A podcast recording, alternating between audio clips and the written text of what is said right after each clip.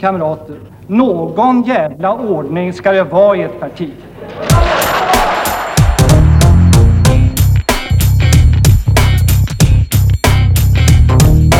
Ja, skiter björnar i skogen? Frågetecken höll jag på att säga. Eh,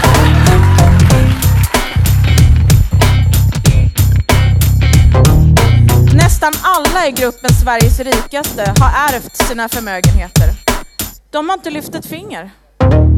Hej och välkomna till det tjugonde avsnittet av Vänsterpartiet Frölundas podd Västpolitiken. Idag gästas vi av Vänsterpartiets nyvalda kommunalråd Daniel Bernmar, Jenny Broman och Marie Brynolfsson som är här för att berätta om eh, sitt arbete och det politiska läget i den kommunala politiken. Daniel och Jenny, som var kommunalråd även förra mandatperioden, har varit här tidigare i podden. Daniel till och med två gånger, först i avsnitt nummer två 2020 och då pratade han om kommunalpolitiken då också. Och i avsnitt nummer 17 i april i år pratade han om New Public Management. Och Jenny var med i avsnitt nummer tre i november 2020 och pratade om skola. Men för Marie, som är ny som kommunalråd, är det också första gången i podden. Varmt välkomna ska ni vara och jag lämnar nu över ordet till Karin som kommer att inleda samtalet. Varsågod Karin. Jag tänkte att ni ska få presentera er. Så var och en kan ju få berätta lite vad ni har gjort innan och vilka frågor som ni brinner för och hur har ni gjort er uppdelning emellan er? Vilka områden ni ska ha ansvar för? Marie kan få börja berätta. Mm. Men dels så har vi förhandlat med Socialdemokraterna och Miljöpartiet om vilket parti som ska ha så kallat rotelansvar för olika politikområden under eh, nästa mandatperiod. Och då har ju Vänsterpartiet fått ansvar för, för olika områden som jag, Jenny och Daniel har fördelat mellan oss då. Och eh, de områden jag kommer att vara ansvarig för är personalfrågor, personal och arbetsmarknadsfrågor och funktionsstödsfrågor. Så det är det som är i rotelansvaret. Sen kommer vi ju också bevaka de andra områdena som Socialdemokraterna och Miljöpartiet har rotelansvar för. Så det ser jag fram emot väldigt mycket. Det är frågor som du frågade vad vi brinner för och det är absolut några av mina absolut eh, största hjärtefrågor så är det ju personalfrågor. Min bakgrund är i äldreomsorgen egentligen som jag började jobba i som 18-åring. Så att jag har jobbat med äldrefrågor i hela mitt eh, vuxna liv. Sen eh, först som undersköterska och sen har jag också jobbat som enhetschef både i hemtjänst och på äldreboende. Eh, något jag slutade med 2017 när jag eh, började jobba i Stadshuset som eh, polissekreterare då. Sen under tiden eh, jag jobbade de sista åren i äldreomsorgen så var jag också fackligt aktiv och eh, jobbade ett par år fackligt nästan på heltid för Vision i Göteborg så att jag har ett antal års eh, facklig erfarenhet också så att eh, just personalfrågor är en jätteviktig fråga för mig. Ja, är det Daniels tur att berätta lite då? Mm. Eh, precis, jag eh, har ju varit kommunalråd tidigare. Jag har åtta år bakom mig som kommunalråd nu och gruppledare för Vänsterpartiet i Göteborgs kommun.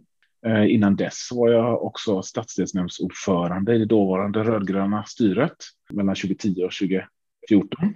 Då, satt jag, då hade man ju stadsdelar med ansvar för all, egentligen alla välfärdsfrågor kan man säga. Eh, och det är väl där jag alltid har känt mig mest hemma. Det är i välfärdsfrågorna på ett eller annat sätt. Framförallt så tycker jag att väldigt ofta att väldigt många andra politiker inte riktigt hör hemma där eller inte bryr sig så mycket om det som är 80 procent av kommunens verksamhet. Så att eh, det är skönt att veta att jag har två andra partikamrater här som har samma djupa intresse som jag för välfärdens frågor. Jag kommer att vara inom styret ansvarig för eh, idrott och föreningsfrågor, demokrati, mänskliga rättigheter och jämställdhet. Eh, utöver då att jag kommer att vara gruppledare naturligtvis och kommunstyrelsens vice ordförande då jämte socialdemokraten Jonas Attenius som kommer vara kommunstyrelsens ordförande. Eh, och sen kommer jag ju bevaka ett antal frågor där som, om, med saker som är viktiga för oss. Och en av de viktigaste bevakningsområdena jag har, där ett annat parti inom vår eh, koalition har ansvaret, det är ju bostad och stadsutvecklingsfrågorna. Vi har ju gått till val på att göra vad vi kan för att få ner bostadsbristen och det ser jag som en väldigt stor plikt att lite från sidan fungera blåslampa mot eh, vårt socialdemokratiska eh, stadsutvecklingskommunalråd eh, när det gäller att se till att bostadsproduktionen går upp. Ja, hur går det med detta? För det är ju en viktig valfråga. det är en viktig valfråga där vi har ett bekymmer kopplat till naturligtvis en, en, en konjunktur som har vänt och där, det, där den här inflationen skapar ett stort kostnadstryck när det kommer till att bygga eh, och där vi då kanske i högre utsträckning får gå över till att bygga tillfälliga bostäder och där vi kanske också behöver fokusera mycket på att planera fler bostäder så att vi 2025, 2026 snabbt kan komma i produktion när konjunkturen vänder eller när inflationstrycket minskar och kostnaderna blir mer hanterbara. För vi kan ju inte heller bygga bostäder som är så dyra att ingen har råd att bo där, utan det är lika viktigt att säkerställa att vi bygger bostäder som folk har råd med eh, också. Och Jenny? Ja, nej men eh, jag har ju också eh, varit kommunalråd, eh, men en mandatperiod innan då, det vill säga fyra år. Och eh, då har jag fokuserat mycket på skolfrågor. Det var ju därför jag kom till er och pratade om skolfrågor. Men har även eh, haft eh, fokus på sociala frågor. Och det är just sociala frågor som ju kommer bli mitt ansvarsområde den här mandatperioden. Och det ser jag jättemycket fram emot. Precis som Daniel så har jag ju en bakgrund och suttit i en stadsdelsnämnd, Majorna Linné, i åtta åtta år och jag kan ju säga att jag lärde mig så otroligt mycket där. Det var ju under tiden vi styrde tillsammans med Socialdemokraterna och det var ganska eh, tuffa tider för skolorna där och för eh, individ och familjeomsorgen och eh, jag kan nog säga att det mesta jag har lärt mig om politik och lite sådär tjockt skinn på näsan fick jag nog under den perioden när man var tvungen att ta ganska tuffa beslut men ändå driva en vänsterpolitik. Så jag ser lite som att jag kommer tillbaka till eh, många av de frågorna som jag sysslade med då för fyra år sedan. Och framför allt är jag jättesugen på att verkligen eh, eh, genomföra den här nollvisionen mot våld i nära relationer som ju är utifrån ett initiativ av en motion av eh, Vänsterpartiet som eh, vi fick igenom. Och bara för att vi har fått igenom en nollvision så innebär ju inte det att allting händer, utan eh, det är ju någonting som vi verkligen ska följa upp. Något annat som jag ser jättemycket fram emot att jobba med det är ju eh, att se till att inga vräkningar av barnfamiljer kommer ske. Många som man pratar med tänker ju att inte det sker idag, för man tänker att nej, men det, det kan ju inte stämma att vi vräker barnfamiljer, men, men det händer. Och ja, det är en annan sak som jag ser väldigt mycket fram emot. Nu kände jag att jag inte alls eh, sa någonting om vad jag tyckte var viktigt, bara att det ja. var personalfrågor. Så nu tänker jag ändå ta eh, och nämna det lite kort för att eh, det ska bli rättvist. Nej, eh, nej men eh, jag har fått en fråga så många gånger nu, vad är viktigast? Men, och jag säger bara personal, men det är ändå värt att liksom påtala att eh, Göteborgs stad har ju oerhört många anställda i välfärden och de senaste liksom, åren har det ju skett jättestora nedskärningar och arbetsmiljön har blivit eh, oerhört tuff i väldigt många verksamheter. Och utan personal så har vi ju ingen välfärd. Så, eh, och vi ser ju också att det är jättehög omsättning på personal. Det är svårt att rekrytera personer till förskolan, till äldreomsorgen, till socialtjänsten. Så att om vi överhuvudtaget ska ha någon välfärd som jag vet att både Daniel och Jenny också brinner för så, så är ju liksom personalbristen eller kompetensförsörjningsproblematiken det absolut viktigaste att ta tag i och det gör vi ju genom att det måste vara bra arbetsvillkor och bra arbetsmiljö för de som jobbar i Göteborgs stad. Så för min del kommer det ju framförallt handla om att försöka lösa den, det problemet. Så det kommer ju gå lätt, tänker jag. Det kommer gå lätt, ja. ja. Ja, jag tänker ju det här är ju pedagogisk podd hur kommunalpolitik fungerar. Så jag tänkte, ni får gärna förklara hur har det varit sedan valet? Processen, vad har hänt? Vad händer nu? Ska vi mm. börja med Marie som är ny då? Sen valet så har det ju varit en, eh, en eh, lite turbulent fram och tillbaka tid kan man väl säga, där det har varit eh, nya besked och ja, mycket har ju stått i tidningarna också om hur Centerpartiet har agerat men eh, till slut har vi ändå lyckats att landa ner i eh, ett eh, samarbete med Socialdemokraterna och Miljöpartiet som vi ju kommer styra tillsammans med i minoritet med 40 mandat. Men, ja, men sammanfattningsvis så har det väl varit en sen process och rörig tid mellan valet fram tills nu när allt är färdigt. Jenny, vill du fortsätta? Ja, nej, men jag kan ju hålla med om det Marie säger. Jag tycker att det känns som att det händer jättemycket och väldigt lite samtidigt. Det vill säga att förhandlingarna har ju varit högtryck på, mest eh, i förhandlingsgruppen då som har varit inblandade i det. Medan vi övriga har fått göra lite inslag ibland när det har kommit ut texter som vi ska kolla på. Är det här någonting vi kan godkänna och så vidare? Och då har det varit väldigt snabba puckar. Då kan det handla om en halv dag när man ska ta ställning. Eh, samtidigt som vi har ju varit vana nu under fyra år när vi har varit i opposition och driva ganska mycket så, och känna av, är det någonting som händer nu? Vad vill vi gå ut med? Och nu har man ju fått mycket mer känna av, men vad kan vi säga? Vad har vi kommit överens om? Vissa saker som jag självklart hade gått ut med och varit ganska kritisk till innan kanske jag fick lite så här, ja men mm, vänta in lite så. Så, så det har varit en lite så här känna av-period också tycker jag. Daniel? Det har ju varit, alltså det stora problemet var ju att eh, de rödgröna då, SVMP, vi fick ju fler röster, 1914 fler röster än högerblocket. Men vi fick ändå inte majoritet i kommunfullmäktige, utan vi saknade det där sista mandatet. Och, och då hamnade vi i den här långa processen där vi försökte få med Centerpartiet och där de sen sent i processen valde att hoppa av. Och det är det som Jenny och Marie egentligen på något sätt försöker sammanfatta problemet kring. Alltså, ja. Är det någon valteknisk grej där att det blir, fast man har fler röster så får man ett mandat mindre? Det är ju det där, ju fler partier man, man har, ju svårare blir det ibland att, att plutta ut de där 81 mandaten så att de mm. blir exakt jämna. Och det är ju det som har hänt här i, i Göteborg. Och det finns andra exempel. Då. Ja, med den här valmetoden så blir det inte alltid så att den som får flest röster eh, också är de som eh, får flest mandat i kommunfullmäktige. Och ju fler partier man har, ju svårare blir det att få det där proportionella. Då. Och vi försökte ju verkligen länge att få med Centerpartiet och väldigt sent valde de att hoppa av.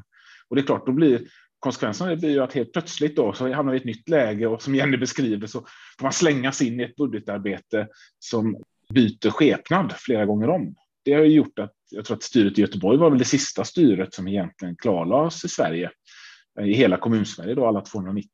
Där vi är nu då så blir det ju ett minoritetsstyre med SVMP med Centern som valteknisk samverkan, alltså ingen politisk samverkan, men en valteknisk samverkan då för att trygga olika andra tekniska frågor. Och då, så vi har ett slags löst samarbete med, med, med Centern, fast där de ändå är i opposition. Och det, det gör ju inte saken lättare att ha en politisk motståndare som också är medspelare i vissa sammanhang. Jag tror både Marie och Jenny redan har börjat känna av hur knepigt det blir när vi inte har en riktig majoritet och där vi ändå samarbetar tekniskt med ett parti som inte vill spela på samma planhalva politiskt. Det är rätt komplicerat just nu, men, men vi hoppas att det ska bli lite klarlagt allt eftersom tiden går och det nya året börjar. Och en av de platser där vi får full kontroll, det är ju kommunstyrelsen som är lite som, jag vet att Jenny inte gillar den här liknelsen, men som ändå är lite som, eh, som kommunens regering på något sätt.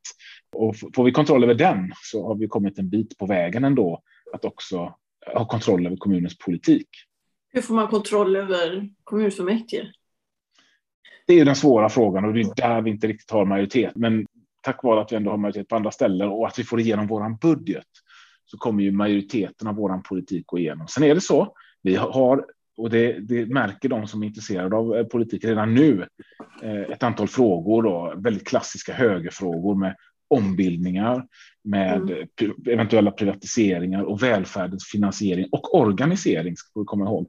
Det, det är viktiga skiljelinjer mellan oss och högern, där vi riskerar att förlora dem om vi inte tar strid. Och det ska vi göra naturligtvis, för att vi vill naturligtvis att Vänsterpartiets politik i sin helhet ska genomsyra den här kommunen. Mm. Är det så att det här nya styret då, det börjar gälla från första januari eller börjar det gälla när man har fått till det? Man vet hur många mandat det ska vara och hur nämnderna och så ser ut. De nya nämnderna blir ju då första, första januari eh, och mm. fullmäktige tillträdde här i november.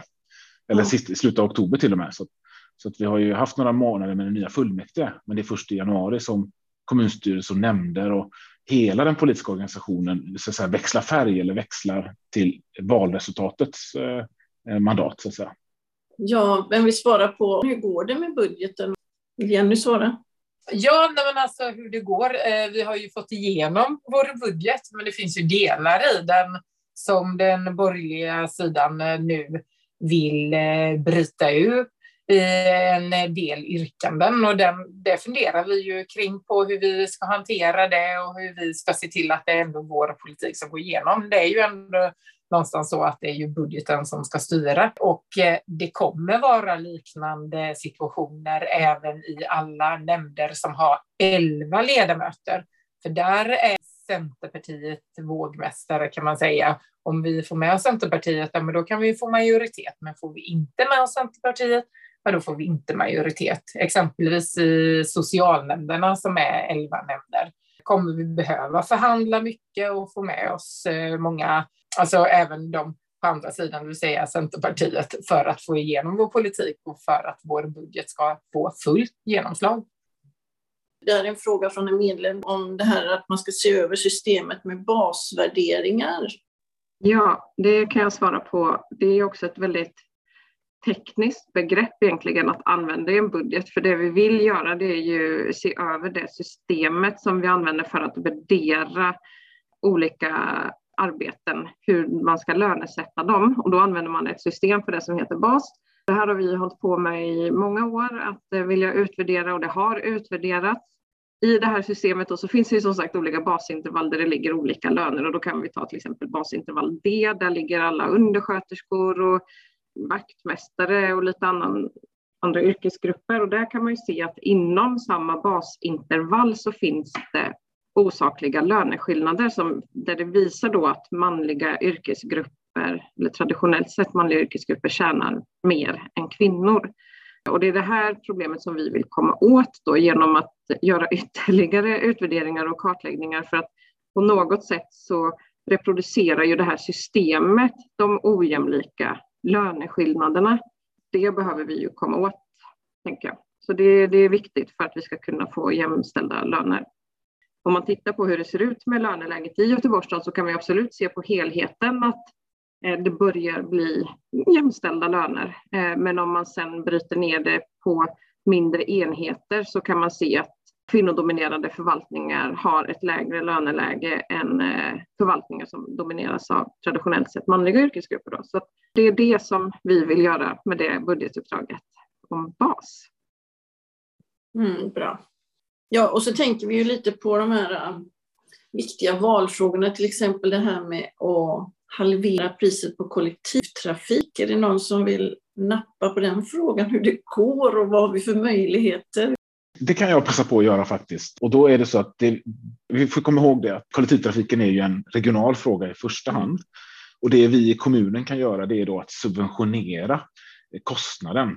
Och, och, och, det vi har kommit överens om nu tillsammans med Socialdemokraterna och Miljöpartiet är att vi ska subventionera kostnaden för periodbiljetten, alltså månadskortet, med minst 135 kronor i månaden eh, som ett första steg eh, och sen mer om, om, ekonomin tillåter. Vi går ju in nu i en svår inflations och kostnadskocksperiod och eh, vi, det påverkar naturligtvis kommunens ekonomi jättemycket. Så vi har i alla fall kommit så långt att vi ska börja förhandla nu om att inleda prisnedgången på just kollektivtrafiks månadskort med 135 kronor. Sen har vi ju tillsammans med samma partier, S och MP, tagit över regionen också. Och de håller också nu på att avisera sina egna sänkningar så att säga, utöver våra. Så att under året så lär vi också se vad våra regionråd kan åstadkomma för att också hjälpa till att sänka priset ytterligare under mandatperioden. Tidsperspektivet är de här 135 kronorna när det gäller månadskortet hoppas vi naturligtvis ska kunna komma in eh, nästa år i nästa års budget. Det blir inte detta året. Så är det. Vi, vi kommer förhandla och diskutera med regionen under 2023 för att sedan göra de här större sänkningarna 2024-2025. Och då är, vet vi också lite mer hur regionen själva eh, resonerar kring kostnadsutvecklingen för, för deras del. För, för nu har vi ju ett styre i regionen som också vill sänka priset och, och då får vi väl samsas om hur och hur mycket och på vilka biljetter. Vad är det mer för frågor som har varit stora i, i valrörelsen som man kan tänka kring? För att jag kan tänka mig att folk vill ju se att det händer någonting nu när vi fått ett rödgrönt styre. Jag tycker att den, om jag ska vara ärlig så tycker jag kanske att den viktigaste saken som vi har kommit överens om hittills, det är det kanske, kanske inte kommer synas så mycket, men det kommer vara betydelsefullt för många av stadens verksamheter. Och det är ju att vi inte, att vi inte lägger några nedskärningar. Alltså vi, vi finansierar verksamheterna eh, i inflationstider. Vi har den största uppräkningen av alla i Sverige, hela kommunsverige när det kommer till att alla förvaltningar ska kompenseras för de stora kostnadsökningarna. Så det tycker jag är den absolut viktigaste saken. Sen får vi se om de andra har några, några fler saker de vill bidra med i högen. Nej, men jag måste nog säga att jag håller med Daniel där. Om man Eh, exempelvis gå tillbaka till skolan, som är ett sådant område då som jag också kommer följa framöver, även om jag inte har ansvar för det, så kan man jämföra med andra storstäder som ju räknar upp eh, elevpeng betydligt, betydligt mindre än vad vi har möjlighet att göra när vi då har en budget som är 6 procent. Det kommer vara tufft ändå, det kommer kännas tufft, men det är betydligt mindre kännbart än vad det är i ja, exempelvis Stockholm och Malmö i, vad det gäller skolområdet. Sociala området, eh, vi har ju inte en uppräkning där eh, mer än det som man förväntar sig att eh, det kommer, kostnadsökningarna kommer vara. Men socialnämnderna är ju vana vid jättestora nedskärningar nu under fyra år och har ju egentligen fått ändra organisation och planera för ständiga nedskärningar.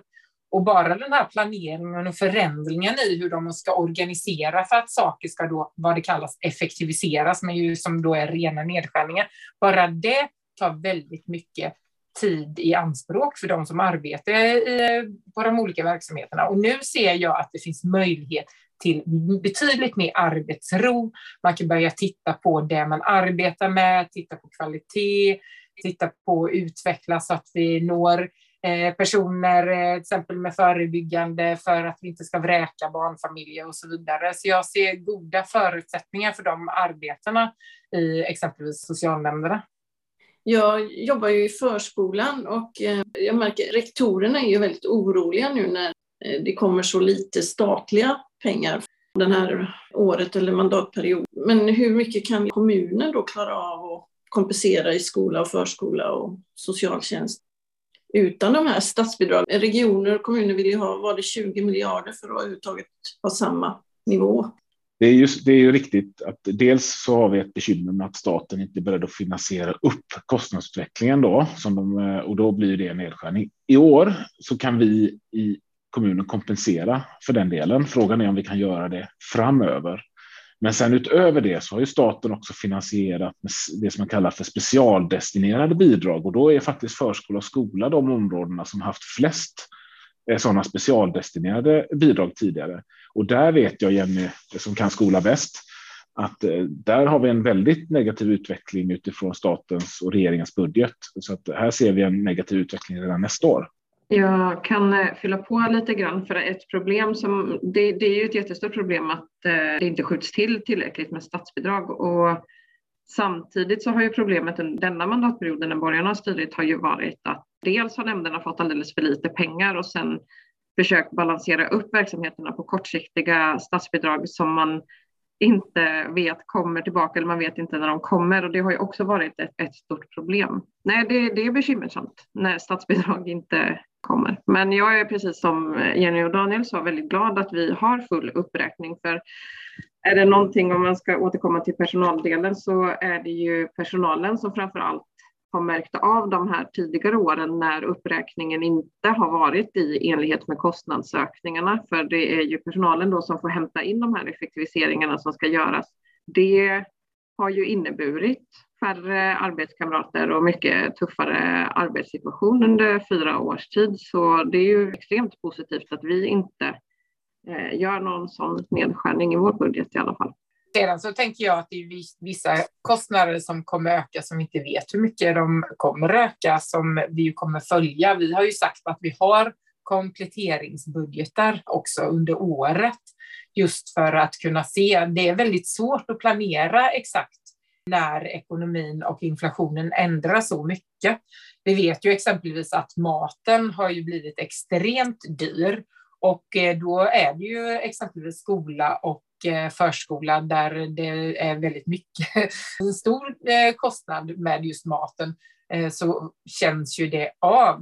Och dessutom, eh, och det blir man ju väldigt oroad för, så ser ju skolorna att man behöver laga mer mat för barnen är hungrigare och man äter mer. Och det är någonting som jag tycker att vi måste följa väldigt noga, för det är ett tecken på att det är många som har det otroligt tufft. Jag tänkte på Karin, för du frågade om val, vad vi sa i valrörelsen att vi ville. Jag vill bara kort lägga Ja. till en sak som vi också har med i vår budget, men det handlar ju om eh, arbetstidsförkortning som ju är en jätteviktig Ja. fråga för, för många av våra väljare. Eh, Och det kommer vi ju jobba med under mandatperioden i, på olika sätt. Så det tycker jag känns eh, jättepositivt, för det är någonting som jag absolut tror kommer vara nödvändigt om vi ska kunna rekrytera mer personal till välfärden helt enkelt. Så, så det känns ju jättekul att vi har kunnat prata om någonting i valrörelsen som vi faktiskt också ska genomföra under eh, mandatperioden. Vill du ge några exempel på hur det kommer genomföras eller vad ni har för idéer?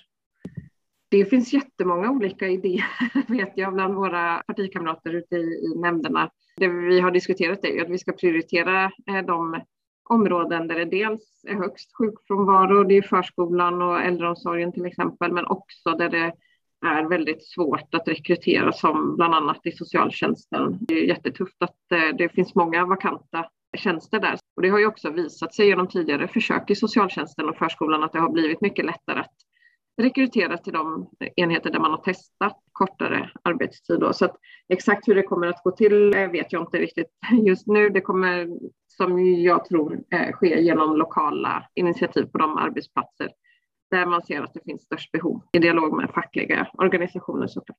Ja, är det några fler sådana här valfrågor vi tänker på? Det där deppigt det här, om ni kan berätta lite hur det gick till det här att eh, politikerlönerna, vad händer med en sån fråga nu när den liksom blir nedsablad? Hur jobbar man vidare med det? Jag, jag kan väl börja säga någonting om den frågan. Det, det vi pratar om då är ju att vi kom ju överens med S och MP om att frysa arvodena för heltidspolitiker. Vi vill ju gå längre, eller vi har ju en lång historia av att vilja gå längre och sänka arvodena. Vi vill ju inte att politiker ska leva i sus och dus, utan vi vill ju att man ska ha någorlunda normala inkomster så att man kan representera folket på ett bra sätt. Och där är vi ju inte, men vi hade kommit till det läget att det är den här, när vi har den här kostnadschocken för verksamheten i övrigt så är det väl det sista vi ska göra är att fortsätta höja politikerlönerna. Politikerlöner som redan från början var ganska höga och gör man ett procentpåslag som är jämbördigt med det staden i övrigt får så, så blir det större, mer kronor än för motsvarande undersköterska eller någon annan. Så att systemet är ju lite trasigt och ökar klyftorna hela tiden mellan beslutsfattare och vanliga löntagare i staden. Och då kom vi till den här överenskommelsen med S och MP, men resultatet blev tyvärr då att alla andra partier, då, de andra 41 mandaten då, som vi säger, som vi har eh, emot oss, gick ihop om att eh, fortsätta höja politikerarvodena. Och det gjorde de då för bara några veckor sedan. Vi har ju för all avsikt att fortsätta driva den här frågan tillsammans med S och MP och varje år försöka återkomma och frysa arvodena så som vi har kommit överens om. Eh, och det säger väl någonting om högern och den nya oppositionen samlat då tillsammans med Sverigedemokraterna från Centerpartiet till Sverigedemokraterna. Att det är det här som man har prioriterat som den första och viktigaste frågan som man ska vara emot, nämligen att frysa redan höga löner. Jag sitter ju idag på en, som vice ordförande med 88 000 i lön i månaden. Nu har ju vi partiskatt i Vänsterpartiet så jag får ju inte det utan det är partiet som som får förmånen då att få 18-19 000 i månaden av min lön medan jag, får, jag behåller resten så att säga som då motsvarar ungefär en inkomst på 45-46 000 i månaden. Så att vi vänsterpartister, vi tar ju vårt ansvar för att politiker inte ska leva i sus och dus och vi hade varit väldigt, sett det som väldigt välkomnande att S och MP också går i samma riktning. Tyvärr så har vi fortfarande en högermajoritet som är emot det, men det betyder inte att vi kommer sluta försöka. Det kan, kan jag lova er. En annan fråga som kanske har varit viktig som man tänker på är ju det här med vinster i välfärden, privata skolor och friskolor och så. Även det här med upphandlingar om HBV-hem. Vi undrar lite, hur mycket kan en kommun styra sådana här saker med skolor som ska etablera sig i kommunen, privata skolor, eller, eller finns det på riksplan liksom regler om det som man måste följa? Alltså vad det gäller skolor så har vi ju sagt så att eh, vi ska inte hjälpa till och underlätta genom markanvisningar och så vidare för att eh, vinstdrivande skolor ska kunna etablera sig här i Göteborg. På det sättet så kan ju vi säga nej, vi behöver inte ge dem av kommunens mark. Sen eh, äger ju inte vi all mark, men ganska mycket mark. och vi behöver inte underlätta för eh, vinstdrivande skolor att starta här i Göteborg. Sedan så är ju inte vi i kommunen som ger tillstånd utan det sker ju mm, på helt annat håll. Så, men vi kan ju fortfarande göra det vi kan. Våra grannkommuner har ju istället sett till att de har varit räkmackor för exempelvis IES, vilket jag har fått också Eh, proteststorma hos eh, befolkningen. Men det har vi ju lovat att vi gör ju vad vi kan i alla nämnder och styrelser där vi kan påverka så att det inte blir lättare att starta. Så man kan ju försöka agera på många olika sätt. Men sen om de väl startar så har vi inte så mycket att säga. Om de till exempel tar över någon annans lokal som inte vi styr över och så. Så det kan vi ju göra. Man kan ju också vara, se till att vara väldigt noga vad det gäller förskolor och så. Så är vi ju, det kan vi se till att det ska vara väldigt, väldigt noga med eh, att alla kriterier ska följas och att man följer upp så att eh, vi vet ju det att om väl en privat vinstdrivande förskola har startat så, så är det väldigt lätt för dem att få ytterligare platser oavsett om nya lokaler inte har bra eh, förskolegårdar och så vidare. Men eh, om man i första läget kan verkligen granska och se över deras ekonomi och se över om det inte håller, ja men då kan vi ju faktiskt säga nej. Det var något som vi gjorde i, på den senaste förskolenämnden faktiskt. Då sa vi nej, för där höll inte ekonomin. Jag menar, det gäller eh, privata verksamheter och vinstgivande verksamheter då, så har ju vi eh, kommit överens med Socialdemokraterna och Miljöpartiet nu i det rödgröna styret om att försöka avskaffa lagen om valfrihet som högern har infört framförallt i daglig verksamhet och i äldreomsorgen då i hemtjänsten. Och här kommer vi då ha ett av de här, om vi ska säga det, de, de politiska striderna den närmsta tiden. Därför att det här är ju ett djupt ideologiskt förslag som högern har drivit igenom, att vi ska ha privata företag som har fri etableringsrätt i de här verksamheterna, både i hemtjänsten och i daglig verksamhet. Och där det, kommer vi bedriva en väldigt aktiv kamp i att försöka ta bort de intressena därför att det är dyrt. Det är eh, framförallt väldigt kostnadsdrivande när det kommer till att man behöver granska de här företagen, fakturera de här företagen och på andra sätt då hantera konsekvenserna av eh, att planera verksamheten efter att privata företag som man inte kan ha tillit till ska finnas i de här verksamheterna. Förutom då att dessutom de ofta har sämre arbetsvillkor och sämre förutsättningar att göra ett bra jobb för att, man, för att det är viktigare att man får ut pengar ur verksamheten. Så att det här har vi en, en av de stora striderna som vi kommer försöka ta under den här mandatperioden. Kommer vi lyckas? Det vet jag faktiskt inte ännu, men, men jag är glad att både S och MP är beredda att ta den striden, trots att vi har 40 av 81 mandat. Eh, för, för vinstintressena måste vi få ut i välfärden, vi måste göra vad vi kan. Kommunerna har ju valmöjligheten att inte ha vinstintressen, men tyvärr då på grund av att vi har haft hög majoritet nu i ett antal år så så har de kommit in och, och, vi får försöka göra vad vi kan trots eh, att vi är ett minoritetsstyre att försöka putta ut dem. Och jag lägger till lite konsekvenser då. För det kan ju låta väldigt käckt att som borgarna gör att säga, men vill ni inte ha valfrihet? Vill Bernmar bestämma över andra vad de ska välja?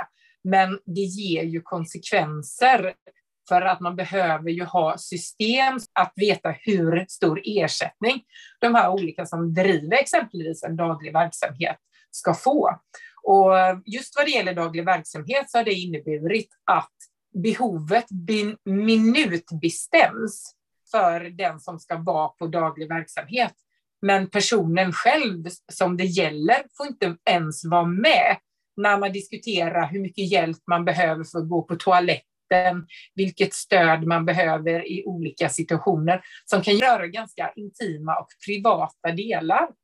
Tidigare när vi har haft vanlig lagen om upphandling, då har eh, det samtalet skett eh, ihop med den som det gäller och eh, exempelvis socialsekreteraren, ett samtal där den personen som ska gå på daglig verksamhet har full insyn i vad som diskuteras och också kan diskutera om man tycker att det är något felaktigt.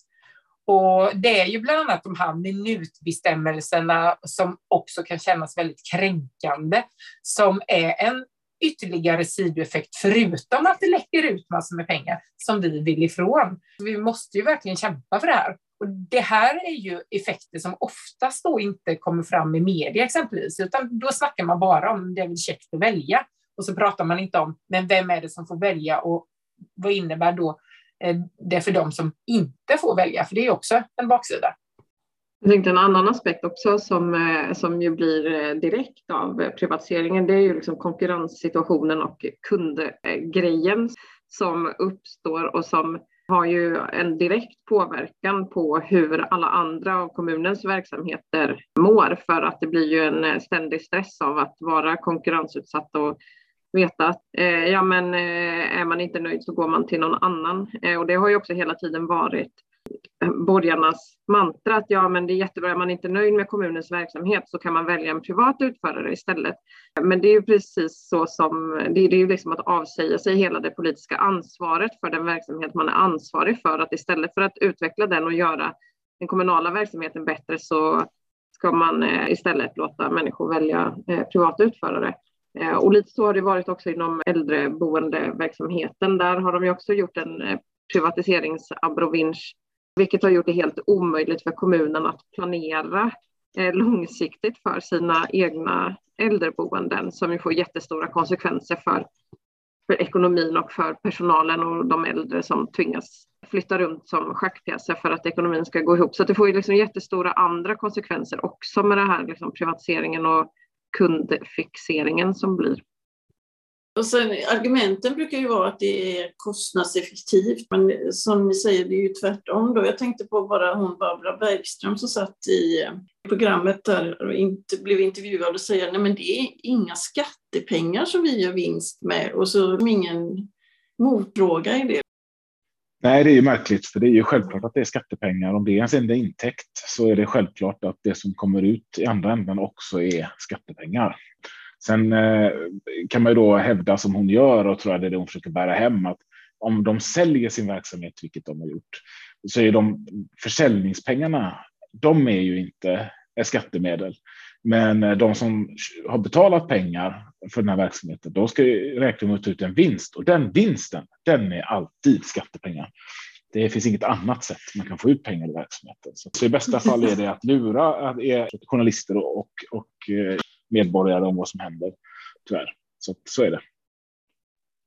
Men det är ju ganska välkänt att mer välbeställda personer får ju aldrig bidrag utan de får avdrag. Alltså samma sak kallas väldigt olika beroende på vem det är som får det. Och bidrag anses ju som något fult att få. Det tycker inte jag, för jag tycker att det är en del i välfärden och vi hjälper varandra. Men det är ju ofta väldigt utskällt. Medans-avdraget är då ett avdrag, för det är mer välbeställda som får det. Men det är ju en slags bidrag också, för det är ju skattepengar som då kunde gått till betydligt bättre välfärd än att eh, man ska dammsuga hemma hos någon subventionerat av skattepengar. Så det är ju tricks att vända på och vrida på vad man kallar det och eh, förklara för sig själv, tror jag ibland. Alltså man tycker man själv har rätt till saker som andra inte ska ha. Jag tänker lite på det här med ombildningar igen, så såg jag på kanske sociala medier att du Daniel har sagt att de borgerliga skiter i vad hyresgästerna tycker om det här. Så tänkte jag så här, mm. har man undersökt vad de som bor i hyresrätter, vad de tycker om det här? Eller är det folk som bor i villor som har bestämt det här? Ja, Jättebra fråga. Nu skulle jag nästan försöka trolla fram de opinionsundersökningar som har gjorts på det här området. För. Jag har inte siffran i huvudet, men det finns flera stycken faktiskt. Och, och en av de senaste det var Hyresgästföreningen som frågade göteborgare och som frågade både de som bor i, geografiskt på olika platser och de som bor i olika boendeformer vad de tycker om ombildningar. Och då kan man konstatera att enda, och det här är ju en intressant eh, fakta, enda stadsdelen där det finns en majoritet för, för ombildningar överhuvudtaget bland göteborgarna. Det är sydväst och det är sydväst därför att det finns väldigt många villor i sydväst. Så det är så att de en, den enda gruppen som faktiskt är positiv till ombildningar, det är de som redan äger. Eh, och det förstår jag också. Det ligger i deras intresse att det finns fler ägandeformer såklart. Det är, det är egentligen inte mer komplicerat än så. Medan bland resten av göteborgarna, göteborgarna som helhet, så finns det en majoritet emot ombildningar. Eh, runt 60-65 procent är negativa till ombildningar. Medan eh, dryga 25 procent tror jag är positiva och sen däremellan finns det några som inte tar ställning. Så att det är en klar majoritet emot ombildningar i Göteborg som helhet oavsett boendeform.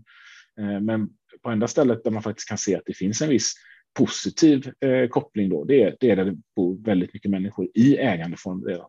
Vilket inte är konstigt. Eh, det är klart, blir det en till ägandeform så blir deras bostadsmarknad bättre. Men för den stora gruppen som bor i hyresrätt blir deras bostadsmarknad sämre. De får ju sämre valmöjligheter och mindre frihet. Hur ser det ut nu i AB Framtiden? För då hade väl de rödgröna majoritet förut, kunde lite grann stoppa upp det här, men är det så fortfarande? Och så är det fortfarande, Karin. Vi kan känna oss trygga med att eh, vi har majoritet i eh, eh, hela AB Framtiden och deras dotterbolag, det vill säga de 25 procenten av bostäderna som ägs tillsammans av oss göteborgare. De är i trygga rödgröna händer. Men vi hamnar ju ändå i ett läge där vi inte har en majoritet i kommunfullmäktige och, och, och det betyder att vi kommer ändå ha en, någon typ av strid. Jag har svårt att se hur de ska kunna genomdriva eh, ombildningar från fullmäktige. Så jag tror att det här är en kamp som de borgerliga på ett sätt eh, gör sig själv en otjänst. de gör sig en otjänst därför att det är väldigt svårt att från fullmäktiges sida beordra bolagen att genomföra någonting som bolagens styrelser inte själva vill. Och det är eh, också väldigt, väldigt eh, knepigt att göra det mot göteborgarnas vilja eh, när det är en så tydlig majoritet mot ombildningar. Men vi får ju ta den striden. Vill de driva genuint impopulära förslag, då får vi ta den striden och förklara för göteborgarna att så här tror jag inte att ni vill ha det. Så att vi kan säkerställa en vänsterseger även i valet nästa gång. Och det är ju samma sak. De, de tog ändå, förvånande nog, då, strid om att höja sina egna arvoden som en av de avslutande frågorna här i julklapp till göteborgarna. Och det, det tror jag inte heller är en fråga som göteborgarna brinner för, att politiker ska ha ännu högre lön. Men de tog den striden också. Och det säger väl någonting, och det kanske är viktigt också att vi visar upp för göteborgarna, vad är det högern står för i Göteborg? Och att det är de här frågorna som de brinner för. Frågor om att segregera Göteborg ytterligare, frågor om att eh, minska hyresgästernas möjligheter att få en bostad och att höja sina egna arvoden. Och ja. jag kan ju tycka, och då kan jag ju lägga till något annat som vi kommer få igenom nu, det är ju att vi tänker ju ta bort eh, avgifterna på skyddat boende. Men man, där tycker man ju inte det är något problem att man ska se till att eh, personer som är brottsoffer, som är verkligen det mest utsatta man kan vara, alltså de, det är personer, framförallt kvinnor, som har varit misshandlade i sina hem. De har ju redan ett hem de eh, betalar hyra för. De måste fly med ingenting alls med sig ofta, så de behöver ofta köpa mycket kläder och blir ofta sjukskrivna, för det är svårt att fortsätta sina jobb. Det har de tagit strid för då, att eh, man ska absolut se till att fortsätta ta betalt för de här eh, kvinnorna i skyddade boenden. Men eh, det har vi ju fått igenom. Det kommer inte vara så framöver, för det känns helt orimligt. Så att det är ju ganska tydligt eh, vilka prioriteringar. Samma sak är så att man driver hårt att det ska vara helt fria besök på avfallsstationer, eh, medan vi tycker att det kan vara sex fria. Om man bor ett par ihop så är det en gång i månaden, tolv stycken. Så att det är inte så att vi tar bort dem eh, totalt. Så samtidigt som man tycker att det är väldigt, väldigt viktigt då med eh, helt fria besök på avfallsstationer för att det är vissa som överkonsumerar väldigt mycket och behöver väldigt många besök där så tycker man att skyddade boenden ska få betala för sig. Så man håller ju inte stringens där riktigt. Vi tycker väl att det kan vara tvärtom. Att om man har så pass mycket avfall, till exempel vid en renovering, så klarar man nog av en liten avgift ifall man skulle få lite mer avfall. För det handlar ju om prioritering, precis som det handlar om om vi ska höja våra löner eller inte. En annan sån här ödesfråga är ju det här med klimat och miljö. Det har vi inte nämnt alls. Hur ja, ser det ut framöver? Jag tror att alla tittar på mig nu igen då. Aha, okay. det kanske är jag som, som kan det området bäst just nu. Eh, och, och, då är det ju så att när det gäller miljö och klimatområdet så, så jobbar ju kommunen dels med att sänka sina egna utsläpp. Och där har vi ju vi naturligtvis en bov i dramat och det är ju Göteborg Energi där vi behöver arbetar aktivt för att se till att de blir klimatneutrala, kommer till att leverera energi till göteborgarna och det är ju fjärrvärme och det är el. Utöver det så jobbar vi med eh, trafiksystemet i väldigt hög utsträckning. Vi har ju ett trafiksystem i Göteborg som gynnar bilen och så har det varit. Göteborg är en bilstad och med det kommer också stora utsläpp. Eh, och då tycker jag det är klädsamt ändå att vi har kommit så väl överens faktiskt med Socialdemokraterna och Miljöpartiet. För det, det, det var inte självklart när vi gick in i de här förhandlingarna.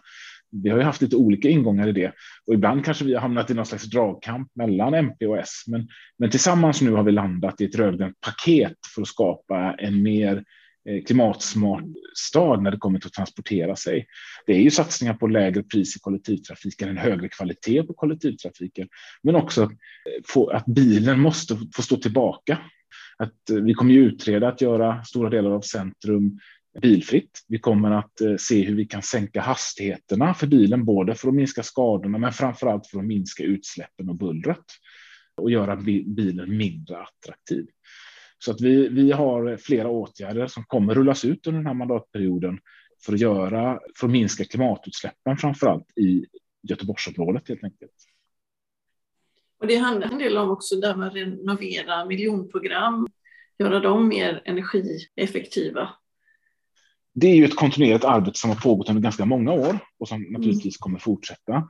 Det är ju att säkerställa att de bostäder vi bygger och de bostäder vi har byggt blir mer klimatsmarta. Och då är det som du är inne på, Karin, att säkerställa att det inte läcker ut så mycket energi. För det, om vi tittar historiskt på hur vi har byggt så så eh, har vi kanske inte byggt så eh, smart när det kommer till att hålla framförallt värmen inne och kylan ute. För det är det som kostar mycket energi. Så att isolera hus ordentligt, bygga solceller när vi bygger nytt.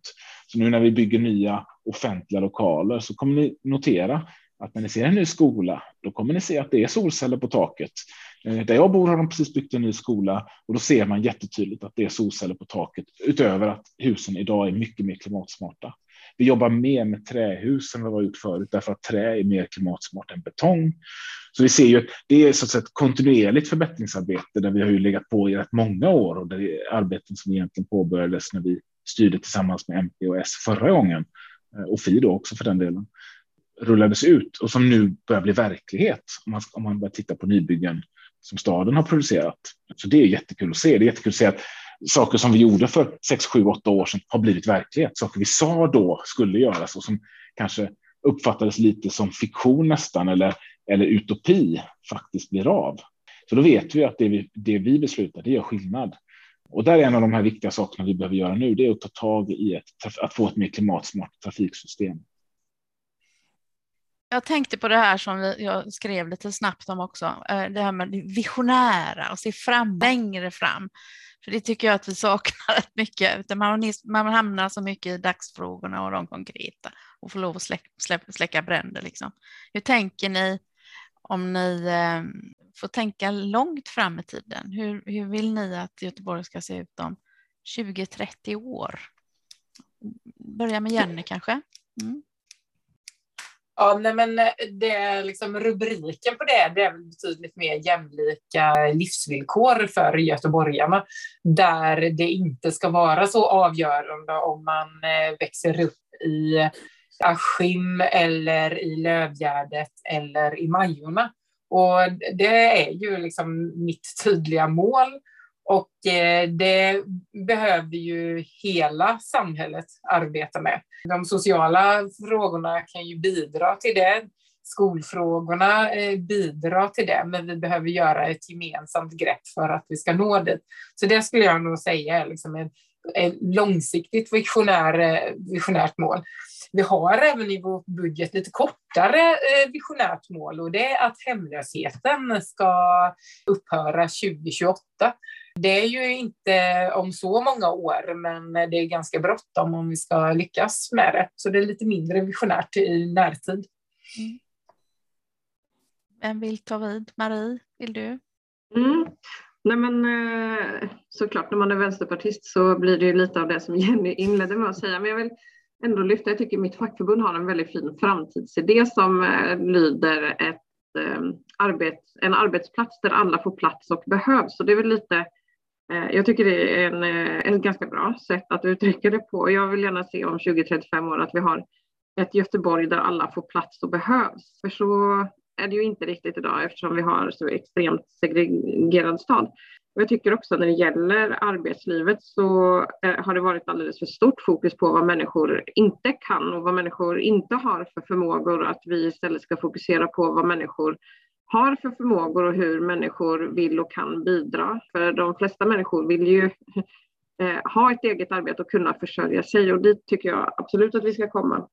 Och vi ska ha ett arbetsliv där alla kan må bra och trivas och orka jobba hela vägen fram till pensionen. Och det är inte heller riktigt så idag, men dit vill jag absolut att vi ska komma. Men framför allt ett, ett Göteborg för alla, där alla får plats och behövs. Då. Daniel? Ja, eh, okej. Okay. Jenny tog eh, jämlikheten eh, och vikten med det. Marie tog inkludering och eh, ett hållbart arbetsliv. Då, då får jag väl fastna för det sociala och det demokratiska. Det där samhället där eh, oavsett var jag bor i Göteborg så om 30 år så vill jag kunna gå ner till torget och veta att eh, där eh, finns en mötesplats för mig där jag kan engagera mig i föreningslivet, där jag kan eh, låna en bok på biblioteket, där jag kan hälsa på mina grannar som kanske har helt andra förutsättningar än mig, men som vi har en naturlig mötesplats tillsammans och där vi organiserar oss, där vi bor för att vi ska ha en så bra och fantastisk närmiljö som möjligt och för att mina framtida barnbarn ska kunna springa på en eh, stor idrottsplats eh, där eh, vi tillsammans ska kunna skapa, fortsätta utveckla det mer då jämlika och jämställda samhället som, som Vänsterpartiet har kämpat för. För den kampen tar ju egentligen aldrig slut. Demokratin måste ständigt utvecklas med människorna i sitt närområde. Och det tror jag är jätteviktigt att komma ihåg, att man behöver bygga de strukturerna. Låter lite släkt med den här 15 minuters staden. Det är den demokratiska versionen av 15 staden. Det är så lätt att den bara handlar om handlar om liksom jag ska kunna handla min mat och så där. Men det ska också handla om att vi ska leva eh, och att leva. Det är inte att konsumera. Det är att, eh, att umgås och ta hand om varandra. Och gå på biblioteket. Har ni någonting som ni vill tillägga? Nej, men det jag tänker lite som en avrundning, det är att eh, jag tänker att eh, det säkert skulle vara intressant att återkomma ungefär om ett år. För nu är ju allting så nytt. Vi har precis landat i vad, det, vad förhandlingarna resulterade i. Jag och Marie exempelvis, vi har ju inte sett de slutgiltiga versionerna mycket tidigare än när budgeten skickades ut till alla medlemmar. Så det ska bli väldigt spännande att se då om ett år ungefär vad händer? Vad har vi kunnat ta tag i? Vilka utmaningar står vi för? Det ska vi anteckna, det kommer ihåg. Återkommer vi. Ja, någon annan som vill tillägga någonting innan vi avrundar? Nej. tack för ett jättetrevligt samtal. Det var kul att vi också fick chans att stanna upp tillsammans. Det var roligt att ni kunde mm. vara med, att ni ville vara med på vår lilla podd igen. Jättetack för inbjudan. Mm. Kamrater, någon jävla ordning ska det vara i ett parti.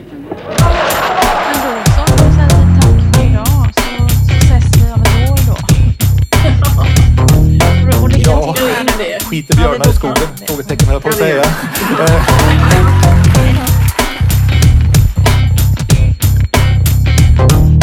Nästan alla i gruppen Sveriges rikaste har ärvt sina förmögenheter.